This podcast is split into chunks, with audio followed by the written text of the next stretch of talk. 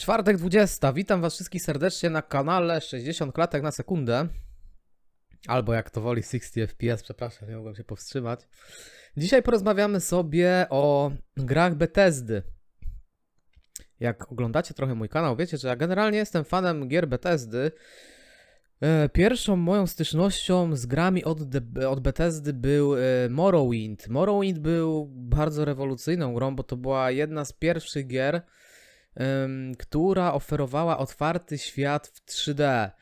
I to był niesamowity, bo jeśli chodzi o gry RPG, to chyba był w ogóle pierwszy otwarty świat y, w, w 3D, ale no tutaj mogę się mylić, czasami tych gier jest dosyć sporo i e, można, nawet już wtedy było bardzo dużo tych gier i można było się troszeczkę już e, zacząć w tym gubić. Natomiast na pewno Morrowind robił to w najbardziej chyba spektakularny sposób.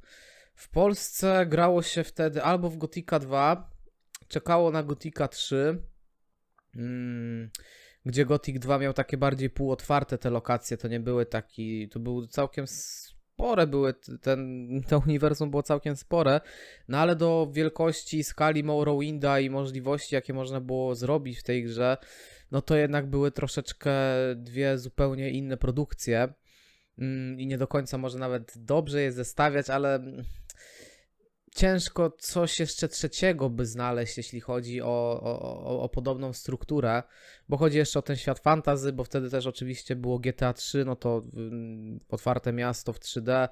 E, Był jeszcze, była jeszcze taka gra The Sting bodajże, że mm, przemieszczaliśmy się takim ludkiem też po otwartej mapie, to było takie utrzymane w takiej komiksowej oprawie i ta gra polegała na tym, że graliśmy włamywaczem i mm, robiliśmy jakieś tam zlecenia i musieliśmy, to była dosyć ciekawa gra mm, ze względu na swoją mechanikę, pewnie w jakichś indykach, pewnie jeszcze to jest odtwarzane gdzieś tam, ale to też była jedna z pierwszych reklamowana, pamiętam wtedy jeszcze w gazetkach z grami typu Klik czy, czy, czy, czy tego rodzaju gazety, e, jako właśnie gra z otwartym światem 3D, więc tych gier trochę było w tamtym momencie, kiedy to wszystko zaczęło, kiedy ta technologia się zaczęła rozwijać z otwartym światem, bo oczywiście gier 3D to było już bardzo dużo.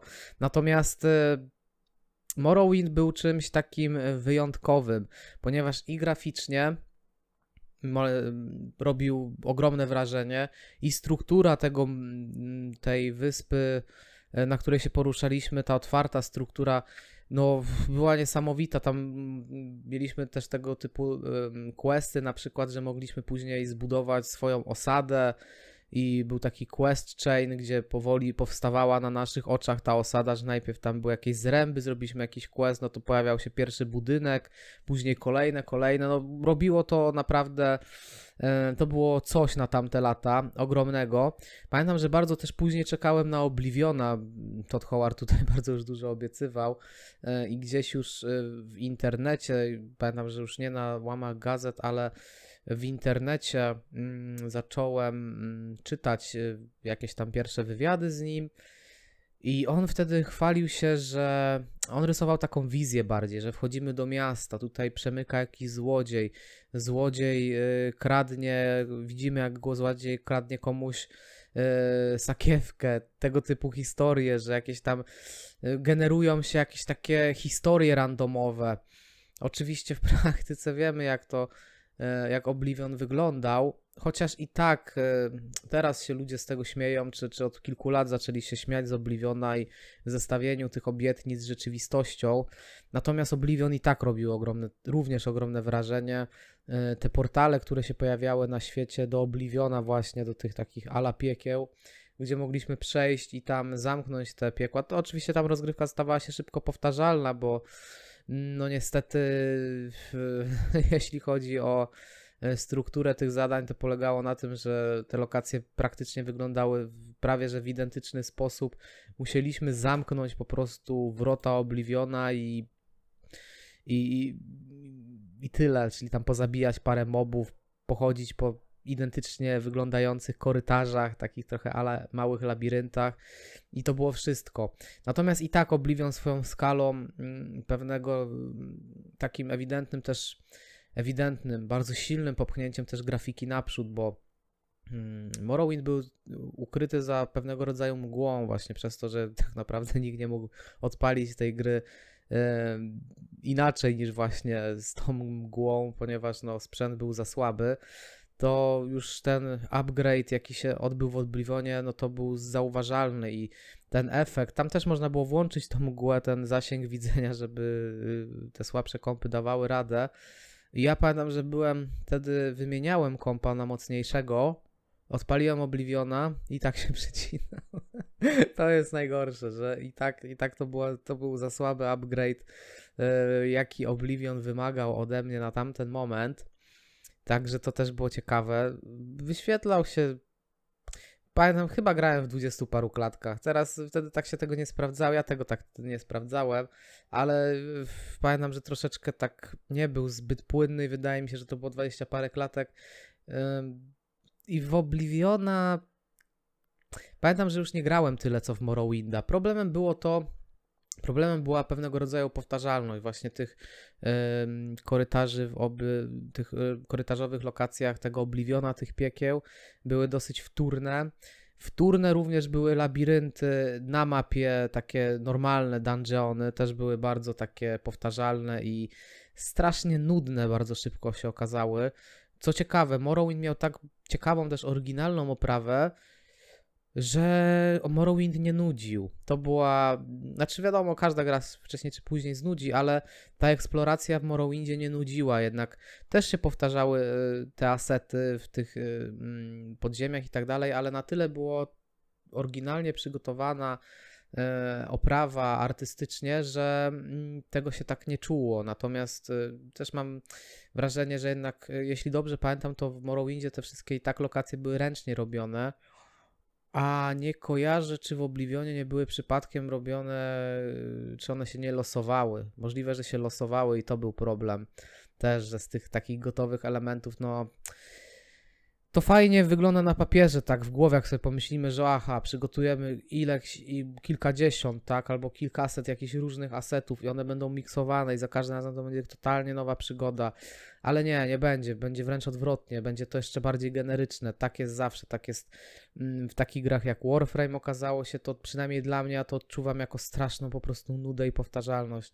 Wszedłeś do jednej takiej lokacji widziałeś wszystkie tak naprawdę. Mimo, że te asety się gdzieś tam losują, to nie wiem, może pula tego powinna być o wiele większa, z 10 razy większa, żeby czuć jakąkolwiek zmianę. Ale wydaje mi się jednak, że ten ręczny design póki co na razie jest tutaj kluczowy. Chyba, że nie wiem, jeśli jakoś tam da się w przyszłości więcej tych naprawdę asetów stworzyć, nie wiem, z 10 razy, 20 razy więcej. Zobaczymy, jak sztuczna inteligencja też tutaj będzie pomagała twórcom w różnych dziedzinach. Na razie jest tam jest jakaś rozdzielczość, ale już widziałem mm, coś takiego, że mm, sztuczna inteligencja potrafi z nagrań sama odtworzyć grę, którą możemy zagrać. To wygląda jeszcze bardzo brzydko, ale widać, że te y, możliwości sztucznej inteligencji są odkrywane, może będą kiedyś też y, w takich celach tworzone, żeby, nie wiem, pomagać przy produkcji asetów, przy różnych wariacjach.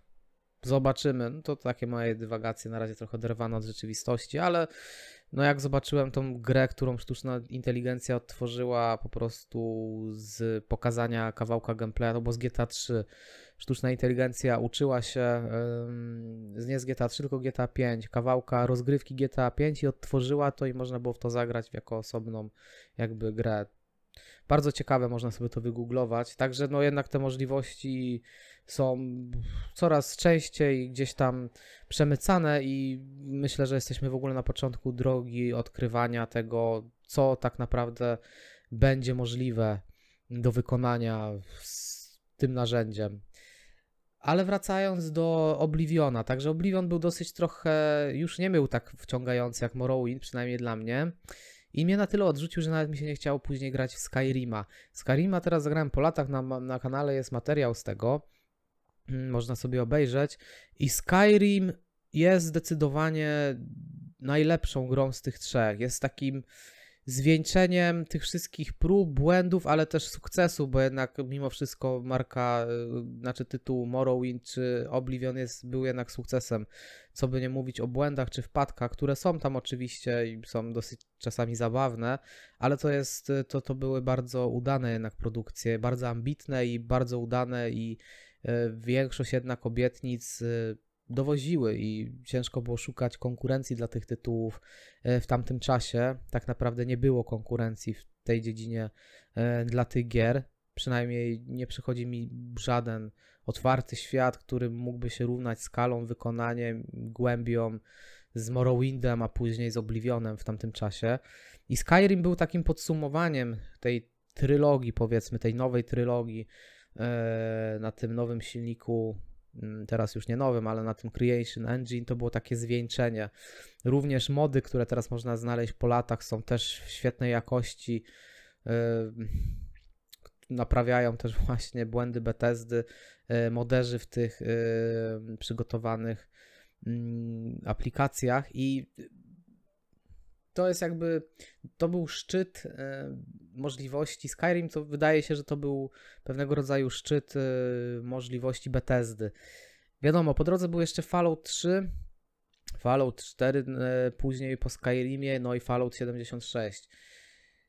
I do tego sobie zaraz przejdziemy. Natomiast, żeby tak jeszcze to zamknąć, największą mm, siłą marki The Elder Scrolls jest na pewno eksploracja. To jak są wykonane mapy i te światy, oprócz właśnie Obliviona, który był taki troszeczkę jednak średni, to te światy są naprawdę niesamowite. I wydaje mi się, że to, co jest taką właśnie siłą napędową tych gier, to zawsze była eksploracja, ponieważ modele postaci nigdy nie były genialne, fabuła nigdy nie była genialna, walka nigdy nie była genialna. Muzyka była zawsze genialna, to trzeba przyznać. E, natomiast sama mapa i mm, udało się zawsze złapać jakiś klimat e, Todowi Howardowi, udało się zawsze mm, zrobić coś takiego, że miało się uczucie takiego do czynienia z czymś mm, takim niepowtarzalnym i takim właśnie, że nigdzie nie znajdziemy tego rodzaju doświadczenia, jak tylko ta gra. Tylko ta gra ma to coś. Jeśli mamy jakieś, nie wiem, gry typu powiedzmy jakieś strzelanki, tak, no to mamy Call of Duty, mamy Battlefield, mamy jakiegoś Apexa, mamy różne na przykład gry, które możemy jednak trochę żonglować. No, one są, każdy ma swoje preferencje, każdy lubi bardziej ten tytuł czy inny, Natomiast jeśli szukamy podobnych wrażeń, no to możemy sobie żonglować tymi grami, tak? Możemy sobie trochę pograć w Apexa, później się sobie zmienić na Call of Duty, później, nie wiem, odpalić Escape from Tarkov. Te gry gdzieś tam w jakimś sensie mają jakiś taki aspekt wspólny, natomiast mm, ciężko znaleźć podobną grę, mm, która przypomina klimatem właśnie y, te gry od Toda Howarda. Jest jeszcze The Outer Worlds y, studia Obsidian, które przypomina y, trochę właśnie wykonaniem i całym tym takim pomysłem na siebie y, Elder Scrollsy czy Fallouty. Natomiast ja pograłem trochę w The Outer, The Outer Worlds i moim zdaniem tam trochę zabrakło budżetu i to czuć i mm, jednak tam ta mapa jest troszeczkę taka mm, jednak y, niedopieszczona i w ogóle ta gra jest taka troszeczkę odstająca moim zdaniem jednak jakością, rozmachem, jakie miały gry Bethesdy. Natomiast no, Obsidian też dostanie teraz od Microsoftu więcej, y, bo jest w szeregach Microsoftu, więc ich następny projekt, który właśnie trochę przypomina Skyrim, może przypominać Skyrim, już może być no czymś takim, takim czymś obok właśnie e, marki The Elder Scrolls, czym też będziemy mogli żonglować, tak? Tak jak właśnie fani strzelanek mają kilka wariantów, jeśli jakaś gra znudzi, czy zmęczy, czy twórcy pójdą w złym kierunku, to taki dany gracz ma wybór i możliwe, że ten wybór w najbliższych latach też nam się trochę poszerzy. Natomiast przez lata jednak Bethesda była w tym jedyna, jedyna w tego typu doświadczeniu. I e, niestety po właśnie Skyrimie przyszedł Fallout 4, który był tak generalnie dobrze odebrany. Ciężko powiedzieć, że to nie był sukces, ale to też yy, yy, gry Bethesdy zawsze jednak mimo wszystko były pewnego rodzaju wyznacznikiem, jednak pchały yy, branżę do przodu, podnosiły poprzeczkę i to przy Morrowindzie ta poprzeczka była bardzo wysoko zawieszona. Przy Oblivionie była przebita ta poprzeczka, delikatnie tylko w niektórych aspektach trochę był regres, ale jednak był rozwój. Skyrim no to było to zwieńczenie, to największy boom chyba na, e, na, na gry Bethesdy. E, natomiast Fallout 4 no ciężko już było chyba to nazwać e, krokiem naprzód. To było raczej już po prostu kolejna gra od Bethesdy.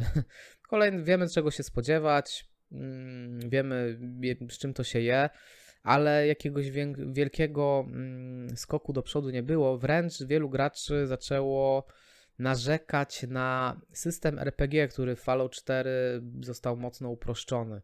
Więc tutaj mamy do czynienia z pewnym takim y, zatrzymaniem się w rozwoju i też graficznie już tak troszeczkę to nie było to przy zestawieniu z ekskluzywami od Sony, już to nie wyglądało tak dobrze, już zaczynało wychodzić to drewno, jakie jest y, w tej serii E, widoczne, które zawsze było, no ale mm, i tak przebijało bardzo wiele innych gier i tak robiło graficznie wrażenie, natomiast no tutaj już był, zaczął się y, tworzyć pewnego rodzaju rozdźwięk pomiędzy tym, co ma do zaoferowania konkurencja, tym, co ma do zaoferowania obecnie Bethesda i dochodzimy do Fallouta 76, no, który, który na premierę był totalnym regresem, nawet względem y, Fallouta 4 totalną wpadką i został tak zjechany jak No Man's Sky czy mm, obecnie Cyberpunk 2077 spotkał się z podobną, bardzo silną, negatywną reakcją. I no, gdzieś w pewnej mierze na pewno zasłużoną, ponieważ no, twórcy obiecali bardzo dużo, a dostarczyli bardzo mało.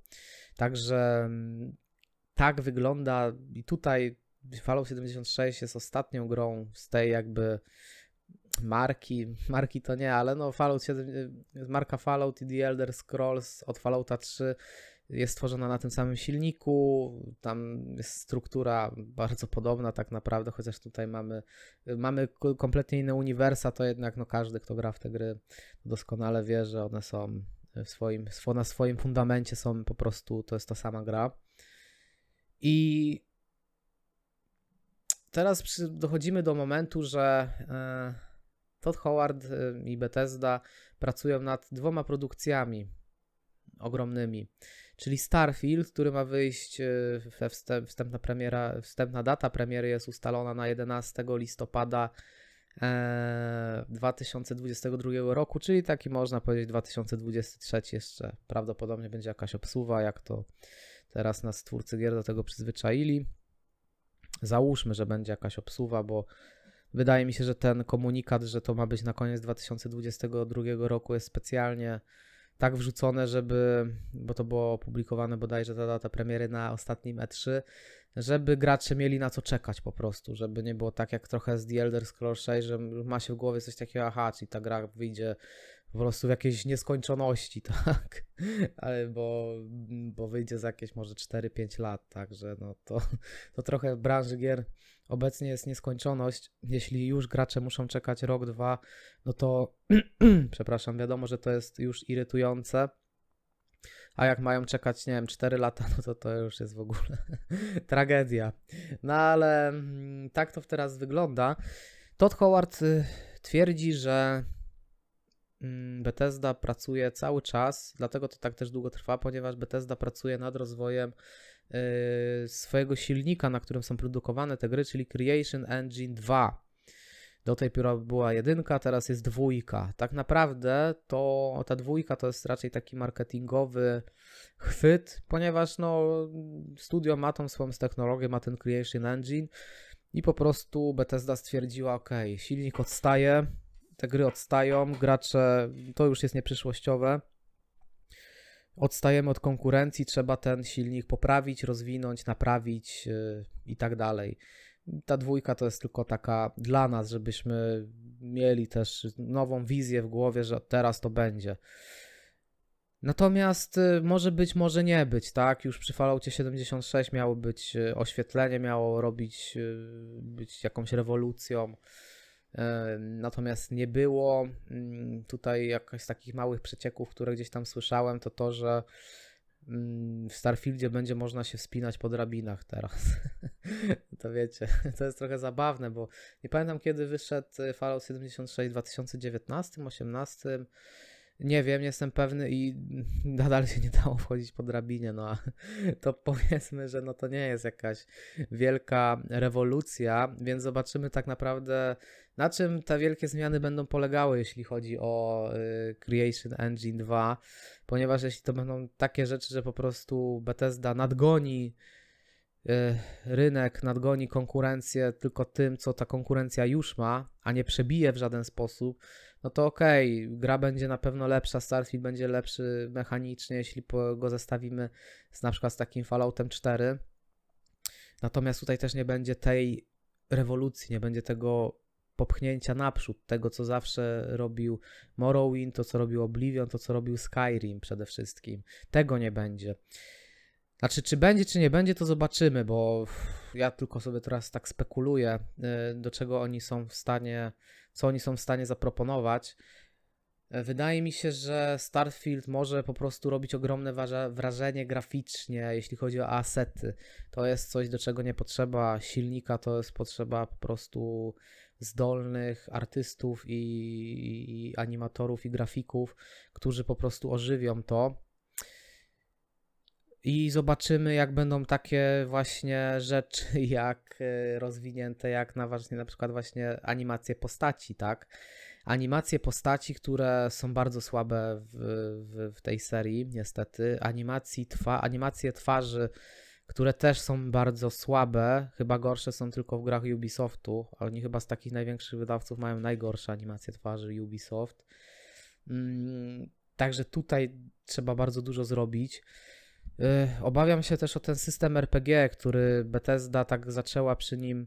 Ona zawsze, zawsze to był w każdej tej części, to się tam jakoś zmieniało, ten system RPG, i zawsze Bethesda miała problem, żeby jakby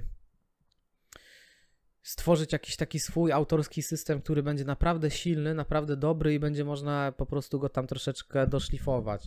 Oni raczej bardzo często oni raczej szli w uproszczenia tego, co było w Morrowindzie i skończyło się to tak, że chyba ostatecznie ten system nikomu się specjalnie nie podoba. Jest, bo jest, ale chyba nikt y, nie ma tak, że o kurczę, to jest, to jest ciekawy system rozwoju postaci. Jest raczej taki, raz to gorzej wychodzi w różnych częściach, raz lepiej, ale zawsze to jest takie, zawsze jest coś ty tam nie do końca, jakoś niedobrze to czuć.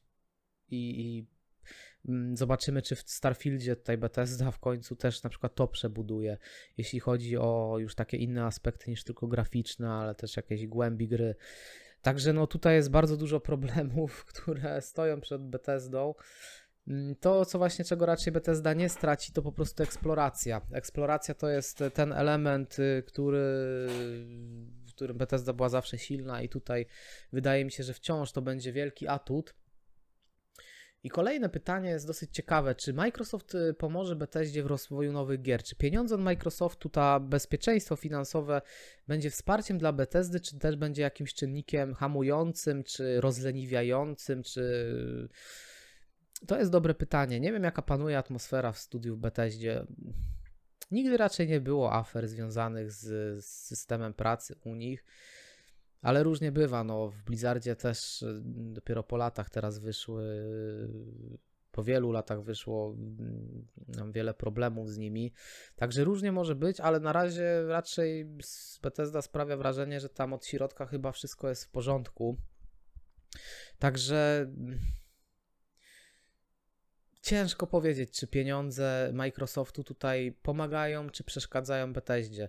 Tutaj mamy właśnie bardzo wiele niewiadomych, takich wiele pojawia się obaw, ale też jest wielka szansa na, że faktycznie e, tutaj Todd Howard będzie miał, może dostaje właśnie taką przestrzeń finansową, przestrzeń kreatywną. dostali też właśnie czas na to, żeby przebudować, przez to też te daty premier są takie odległe, ale może właśnie mają tutaj czas, żeby to w końcu zrobić porządnie i ten Creation Engine 2 faktycznie może posłuży na kolejne jakieś tam 10 lat, na kolejne 3-4 gry, które jakościowo będą już przynajmniej aktualne. Może już, może już nawet nie licząc, że będą jakąś rewolucją, to przynajmniej będą, nie, nie będą odstawały od tego, co będzie do miała do zaproponowania y, konkurencja, a łącząc to z eksploracją i tą magią gier Bethesdy, no to może wystarczyć po prostu, żebyśmy otrzymali świetne gry. I jeszcze to, co mnie martwi właśnie, y, czy, for, czy tak już abstrahując od tego, czy formuła gier to da Howarda powoli się deaktualizuje. I wiem, że niektórzy, tak jak właśnie na Discordzie, y, niektórzy uwielbiają gry y, Bethesdy i nie nudzą się tą formułą. Ale ja muszę powiedzieć, że ja się trochę już znudziłem tą formułą przy Oblivionie. W Skyrima pograłem kilka, kilkanaście godzin i mam trochę coś takiego, że brakuje mi jakiejś takiej świeżości w gier Bethesdy, jakiegoś takiego zaskoczenia, czegokolwiek, tak na przykład jak Red Dead Redemption 2 mnie totalnie zaskoczy, jak grając w GTA 5, gdzie to jest ten sam też silnik, ci, ci sami twórcy i tak dalej, trochę inne uniwersum, e, ale e, no trochę bardzo inne, no bo współczesność, a dziki zachód trochę ten, ale mm, jednak grając w Red Dead Redemption 2, a grając w GTA 5, pomimo, że zawsze tam czuć jakieś podobieństwa i tak dalej, to jednak świeżość i, i rozwiązania, jakie były w Red Dead Redemption 2, no to była totalnie inna gra, po prostu totalnie mechanicznie, w wielu aspektach mechanicznych to była totalnie inna gra. A grając na przykład y, w Skyrima i w Fallouta, no to ja tej przepaści nie czuję. Ja czuję właśnie, że gram w to samo, tylko naprawdę w innych asetach. I tu jest też y, taki problem, że Chciałbym, żeby Bethesda troszeczkę bardziej zaryzykowała, trochę bardziej poeksperymentowała, żeby to nie było ciągle po prostu Morrowind w kolejnym upgrade'zie. Po prostu to jest kolejny upgrade y, Morrowinda mm, robiony przez lata, czy już bardziej aktualnie, no to od Skyrima, no to to jest Fallout 4 i 76 to jest jakaś tam kolejna odsłona Skyrima. No nie do końca mi się podoba ten kierunek takiej ewolucji, Wydaje mi się, że fajnie byłoby tutaj zobaczyć też w tym nowym otwarciu, jakie dostaje Bethesda, pewnego rodzaju rewolucję, ale zobaczymy, jak to będzie. Trochę się tego no jednak.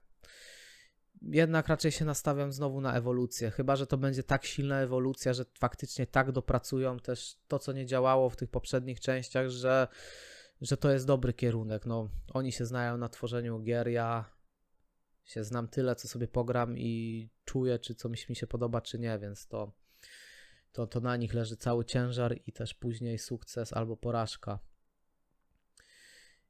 I taki ostatni sobie temat, jaki przygotowałem, no to czy warto właśnie czekać jeszcze na gry Bethesdy, bo niektórzy jakby przekreślili już Bethesdę po tych po tej wpadce z pewnego zastopowaniem rozwoju z Falloutem 4 i później wpadce z 76 już wiele osób tak troszeczkę yy, sceptycznie podchodzi do gier Bethesdy albo już w ogóle się nimi nie interesuje.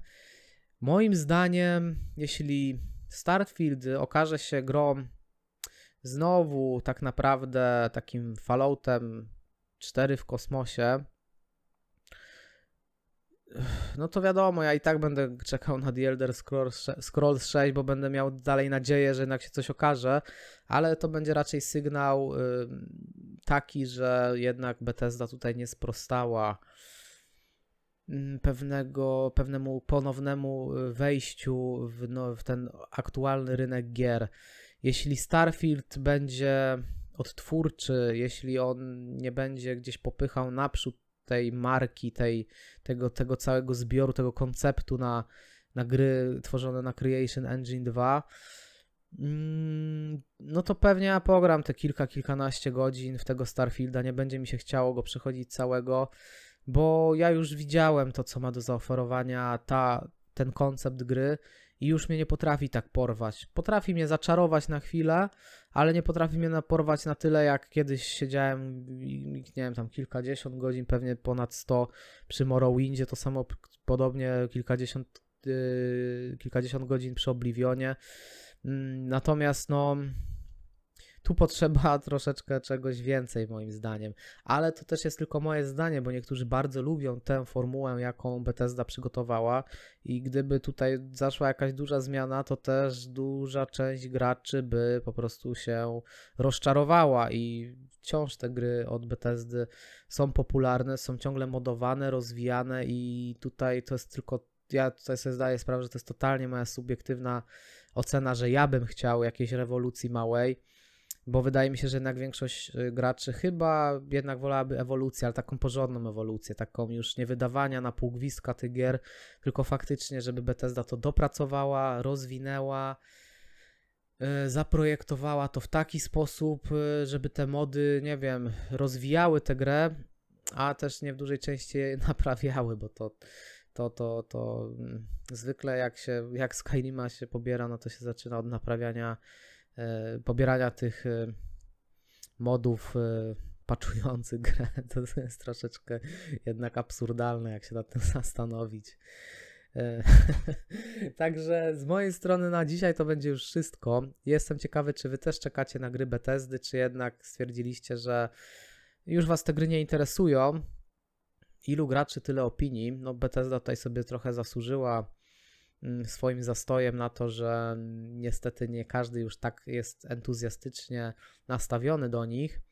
Mm, Natomiast ja wciąż jestem ciekawy, czy Todd Howard uda mu się nas zaczarować po raz kolejny, czy uda mu się znowu wskoczyć na szczyt. Bardzo bym chciał, bardzo bym chciał, żeby Starfield po prostu zerwał mi czapkę z głowy, żeby, nie wiem, żeby wszyscy padli na kolana i przepraszali wielkiego Toda, że zwątpili w niego. Także zobaczymy, jak to będzie. Póki co z mojej strony to już wszystko. Także piszcie, ja chętnie z wami porozmawiam w komentarzach. Dziękuję za was, za waszą obecność. Jeśli dotąd dotrwaliście, pozdrawiam was i na razie. Cześć.